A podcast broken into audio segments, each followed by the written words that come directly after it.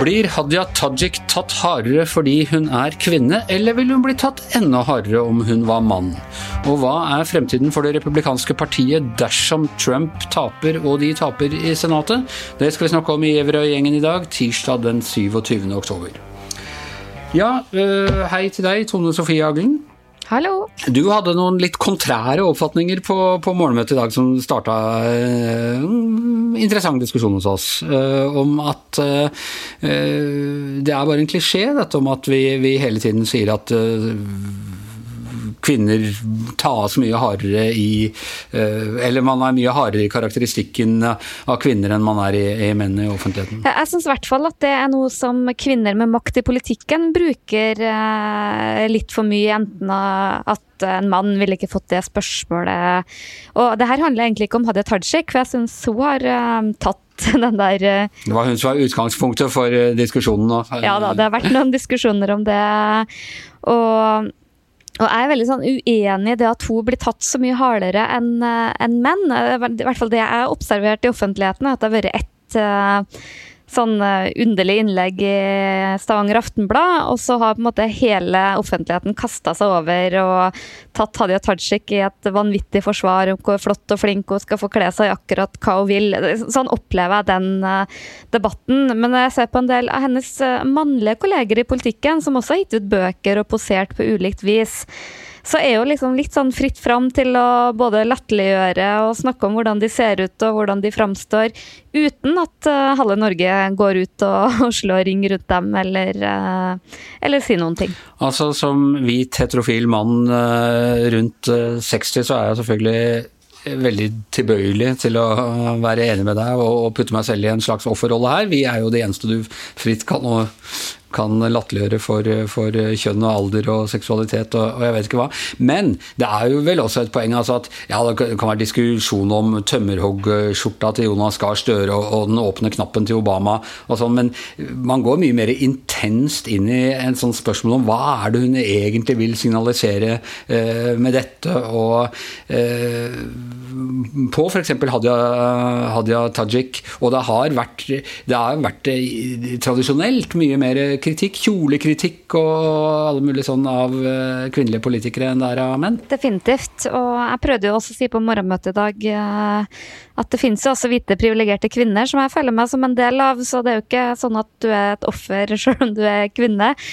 Men til den kritikken som har vært, så syns jeg på en måte at den det var kanskje sant en gang, men jeg opplever ikke at det er sånn nå. Når du ser på Jonas Gahr Støre, for å ta én, så er jo han kontinuerlig utsatt for en kritikk om uansett hva han har på seg at det er liksom falskt. Han prøver et image som, som ikke kler han, om, uansett om han har på seg den der tømmerhuggerskjorta si, eller om han har på seg en hjelm, eller flosshatt, som han ofte har i vår kollega Roar Hagens uh, tegninger. Jeg må jo også det hadde vært dårlig gjort hvis Jonas fikk kritikk for den flosshatten han har på seg i Roars tegninger, for den har han aldri på seg i virkeligheten. det må jeg si. Egentlig, min store drøm er at han faktisk kommer med den, litt sånn til ære for uh, Roar Hagen. Det hadde vært litt sånn, uh, Da hadde du hatt litt visst litt sånn sjølironi og, og, sånn, men, men, men, det handler jo ikke bare om utseende, det handler vel så mye om egenskaper for den måten han blir omtalt på, som uh, svak, vinglete, elitistisk. Jeg er veldig usikker på om noen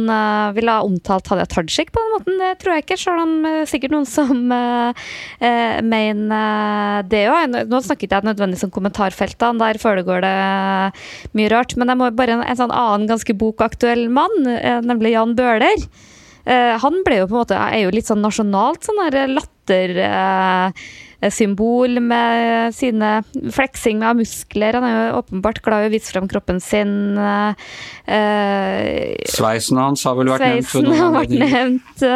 Eh, capsen, eh, hvordan han går. Og, og, der er vi liksom ikke nå forsiktige med å på en måte både latterliggjøre og å kjøre på. Så det er jo kanskje litt mer sånn eh, Det som jeg syns var det problematiske med Hadia Tajik det, det, innlegget, var jo at du beskyldte for seksualisering og metoo og noe sånt som jeg syns var ganske uhørt.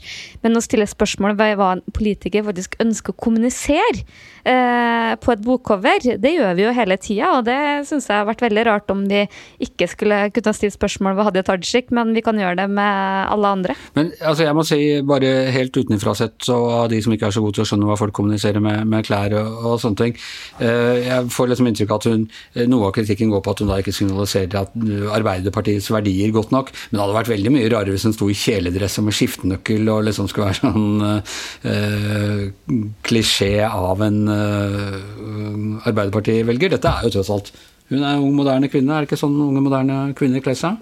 ja.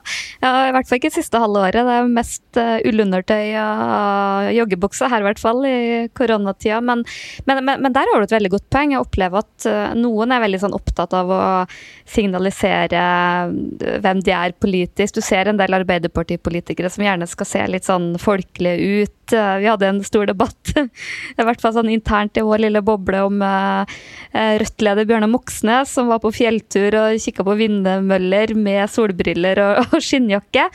Og uh, Trygve Slagsvold Vedum er jo veldig snar til å dra på seg felleskjøpsdressen eller et eller annet.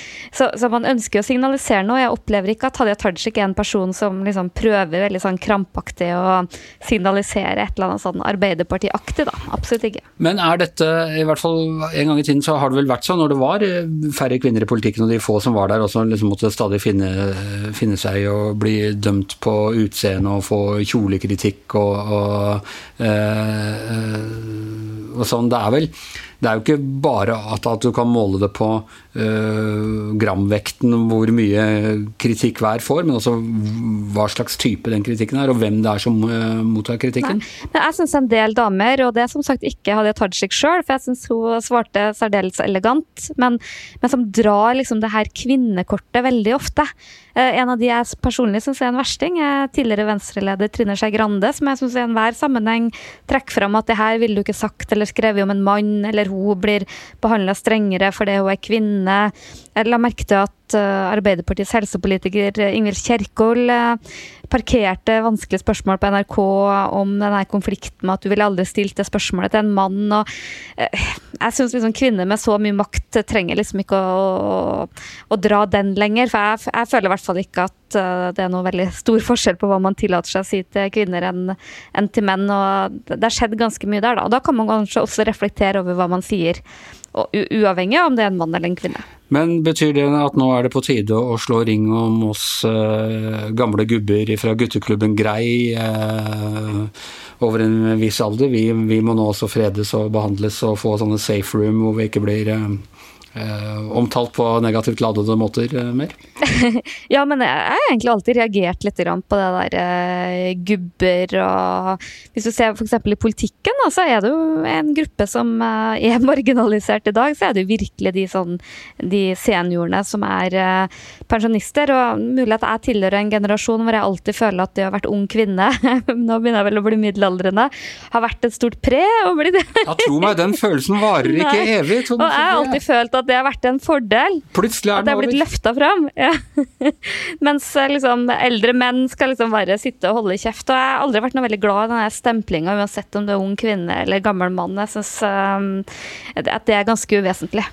Men da vil jeg anbefale deg å, å skifte, skifte, område fra norsk politikk til amerikansk politikk, for der skal jeg love deg at de gamle gubbene fortsatt uh, dominerer. Og nå står det altså mellom en 78-åring og en uh, eh, 74-åring, og de er omtrent liksom født under annen verdenskrig begge to. Så helt makten og, og innflytelsen i samfunnet har de jo ikke mistet. Nei da, det er bra de holder stand noen steder i hvert fall. Får vi se hvem av de to eldre mennene det blir. Akkurat nå tyder det på at det blir den eldste, faktisk. Men uh, det er en uke igjen.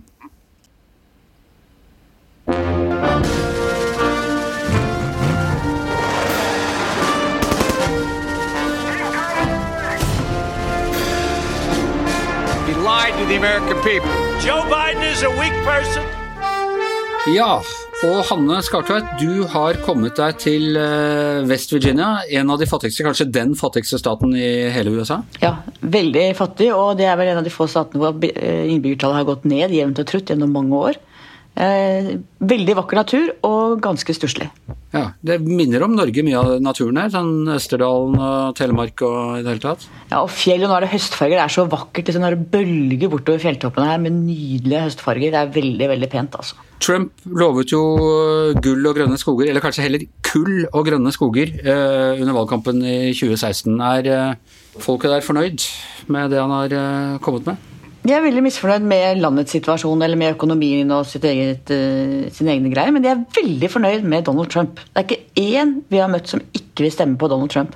Og de sier at hvis de kjenner noen, så vil de, vil de aldri tørre å si det. At de støtter Biden. Jeg var der for fire år siden, og da hadde vi faktisk problemer med å finne folk som skulle stemme i det hele tatt. Altså, traff definitivt ingen demokrater, etter hvert noen republikanere. Men, men eh, det er også i de områdene hvor eh, valgdeltakelsen er aller lavest. Ja, men da, nå er det ganske mange Trump-flagg ute, og vi møtte flere som skulle stemme eh, stemme, og Nesten alle vi snakka med, var på, på hva skulle stemme Trump. Det er ikke noe vippestat? Nei, det er ikke noe vippestat. og Det er klart at det, at det er så stor strid om kull, og at eh, Biden oppleves som en som vil kutte både kull og olje og alle fossile energikilder, mens Trump støtter dem, det gjør at det er en no-brainer for alle de som er her. De sier at det er ikke en sjans for noe annet. Biden vil ødelegge, Trump vil redde. Og Det øh, kan jo da bli spennende å se hvis han skulle tape. Jeg skjønte du traff en som hadde litt spesielle perspektiver på det? Ja, da var det våpen, gitt. For uh, han trodde ikke han skulle tape. Han trodde han kom til å vinne, at Trump kom til å vinne over 300 valgmenn, og at det ble en uh, skredseier for Trump. Men hvis han ikke skulle vinne, så var han klar for å ta med seg våpen til Washington DC, for da var det skurkene som vant. Ja, det drar jo opp litt uh, skremmende perspektiver. Per Olav Ødegaard, nå Uh, ting kan Det må i hvert fall kunne gå an å snakke om som en mulighet at Trump ikke vinner uh, valget når vi ser på meningsmålingene en uh, uke før. Og hva, altså Vi har snakket mye om hva med Trump, hva vil han gjøre, vil han godta det og sånne ting. Hva vil det republikanske partiet gjøre? Nå har Trump tok en sånn fiendtlig maktovertagelse, nærmest, som man kaller det i næringslivet. Hostile takeover på hele det republikanske eh, partiet for fire år siden. Eh, de har vært lydige. Han har levert en god del sånne republikanske resultater, men han har også drevet partiet eh, veldig langt ut jeg vet ikke om jeg engang kan kalle det til høyre, ut i, i, i ytterligheten. Hva vil skje med partiet, tror du, hvis han, hvis de, han skulle tape Det hvite hus, og hvis de samtidig kanskje skulle tape, tape Senatet? Ja, Veldig mye tror jeg avhenger av akkurat det siste. Eh, fordi som vi vet så har demokratene flertall i Representantenes hus, og det kommer de helt sikkert til å beholde også etter dette valget. Men det er bare eh, tre eh, stemmers overvekt for republikanerne i Senatet. Eh, hvis vi regner med visepresidentens dobbeltstemme, at det blir en demokratisk, eller hvis Biden blir president. Hvis, de, hvis republikanerne taper også Senatet og Det hvite hus, så vil det være et parti i dyp, dyp krise. Men det er også ikke helt uventet, fordi eh, republikanerne er egentlig i ferd med å bli et minoritetsparti i USA. Altså, de har i alle valg etter 1992 det det er, kun én gang, og det var George W. Bush i 2004, som, fikk, som vant valget med et flertall av velgerne bak seg. Alle de andre replikanere som har stilt opp i tiden etterpå, har Du har Trump som vant i, i, i 2016, men han hadde altså tre millioner færre stemmer, som, som det ble sagt. Uh, og um, så, så, dette er et parti som går i retning av å bli i en mindretallsposisjon. Jeg, det, det, var interessant fordi at noe av, eh, opp, av den, eh, i oppsummeringen etter, etter Mitt Romneys tap i 2012 så ble det jo sagt at nå hadde republikanerne en oppvask i etterkant. Nå må vi bli mer inkluderende. Vi må bli et parti som tar opp i oss minoritetene. Vi må bli et parti som i større grad appellerer til kvinnene, kvinnelige velgere, for de så de hadde problemer der. Det var et parti som prøvde å gå i den retningen og bli mer inkluderende, mer moderat, mer finne tilbake til sine røtter, på en måte. Og så gikk de akkurat motsatt vei ved å nominere eh, Trump i, i 2016. Ja, hva tror du, Hanne? Hva vil republikanerne gjøre? Altså, for noe som jo også har skjedd, er jo at uh, hva er det Thomas Seltzer sier? Altså, det, ikke, det, var ikke Trump som skapte kaoset, det var kaoset som skapte, skapte Trump. Og store deler av velgermassen til republikanerne har vært veldig mye eh, nærmere et sånt Trump-segment. Eh, eh, lenge. På en måte var det partitoppene som lå litt etter, men du har jo sett det med Sarah Palin og, og eh, Tea Party-bevegelsen og sånn. Det, hva tror du vil skje med partiet hvis de nå mister makten? Tror helt riktig at Trump kommer ikke ut av ingenting. Det er klart at Dette er ting som har bygget seg opp over lang tid. Og jeg tror vi får en veldig interessant og ganske brutal maktkamp internt i det republikanske partiet. Du har dette Lincoln Project med republikanske profilerte folk som uh, driver aktiv kampanje mot Donald Trump. Du har krefter i republikanske partier som Men de er veldig få?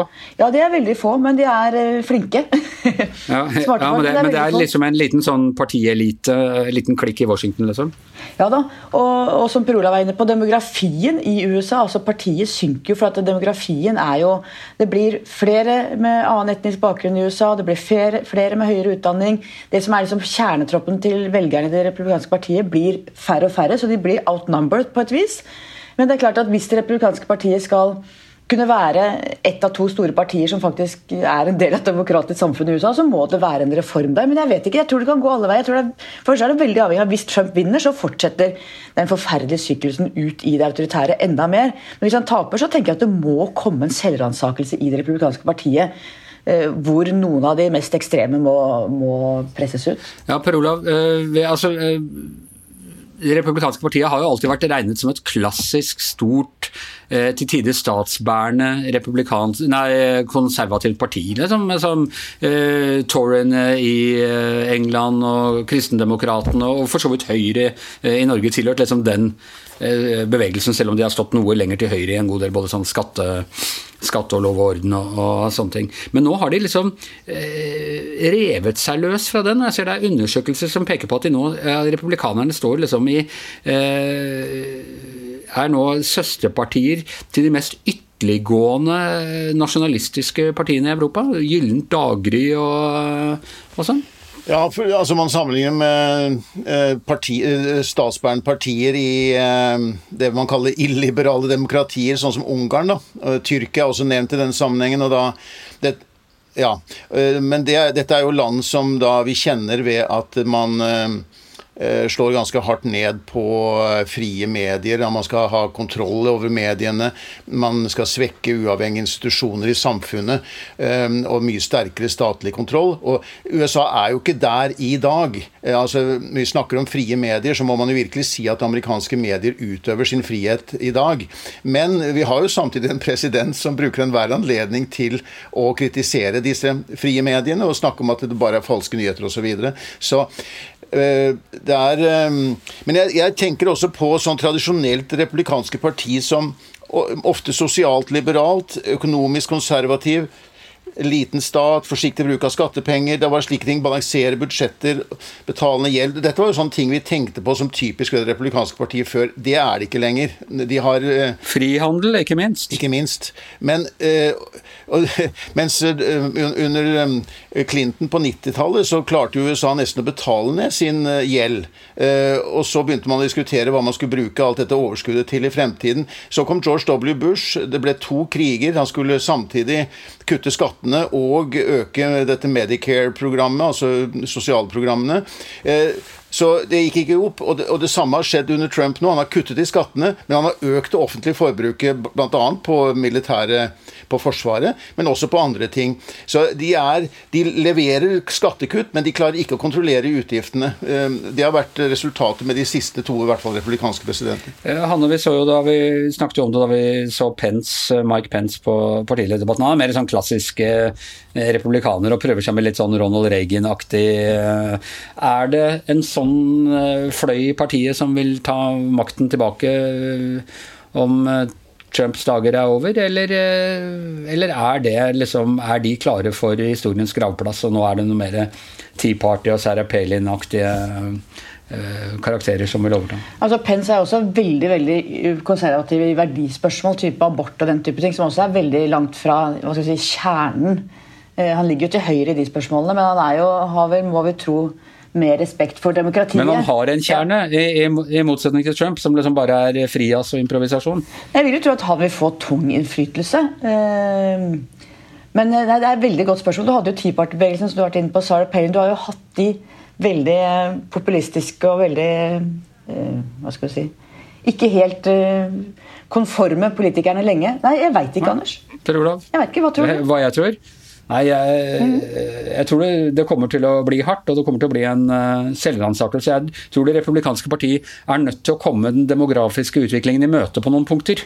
Uh, de, de, kan ikke fortsette med alle de tingene, fordi på en måte er Trump en sånn 'make America great again'. Er, som noen har sagt, det er jo 'make America white again' ligger under for en god del velgere.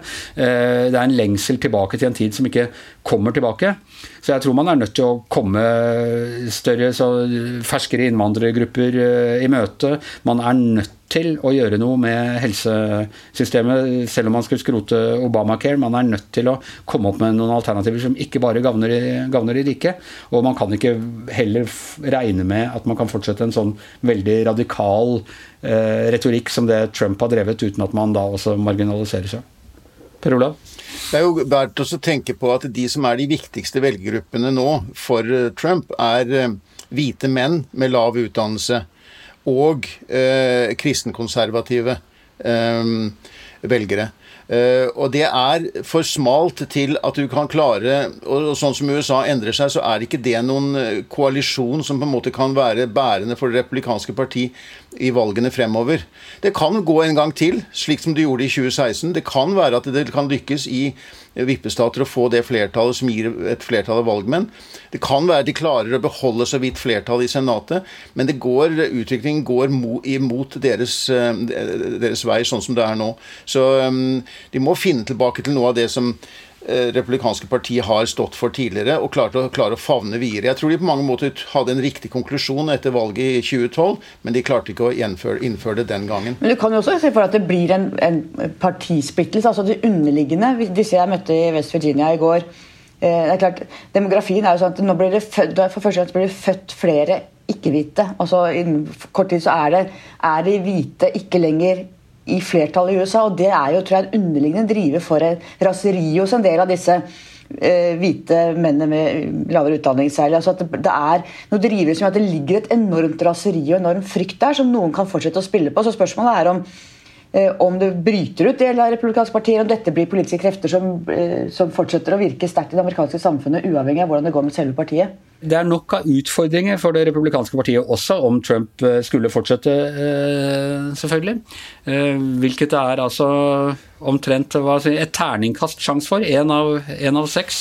Og ennå, Anders, Anders, så har vi ikke snakket om Det demokratiske partiet. De har også sine utfordringer. For det er også en stor allianse med ganske ulike fløyer. Men det får vi helt sikkert rikelig anledning til å komme tilbake til. Det gjør vi, og jeg ser på De, de trapper jo opp valgreklamene nå for Biden, og det er ganske fine. sånne varme, hjertevarme, inkluderende han framstilles. Litt som, ja, som hele Amerikas bestefar. Men jeg tenker det er jo også en veldig tilbakeskuende kampanje, det, det Biden driver. Det er jo liksom tilbake til, til 50-60-tallet han skal ha, sånn rent emosjonelt i hvert fall. Ok, eh, det nærmer seg slutten. Hva skal du ut på i dag, eh, Hanne? Eh, nå skal jeg besøke en demokratisk Eh, fyr fra West Virginia som har gjort det veldig godt i Washington. De finnes i West Virginia også? Han er en suksesshistorie. Han eh, har flytta til det vil svært firma, bor i, jobber i DC selv. Har fått en lokal high school oppkalt etter seg. Han er en av suksesshistoriene som har veldig hjerte for West Virginia, for folkene her, og er på en måte rasende på deres vegne. Målbærer veldig godt det raseriet og den frustrasjonen som fins her. Men han er beinhard demokrat. Ja. Det blir spennende å høre om i morgen. Uh, Giæver og gjengen er over for i dag. I hvert sitt hjemmestudio Per Olav Ødegaard, Hanne uh, Skartveit, Tone Sofie Aglen. Jeg heter Anders Giæver, og mannen som forener alle fløyer og gjør det til én uh, forent podkast, heter Magne Antonsen og er produsent.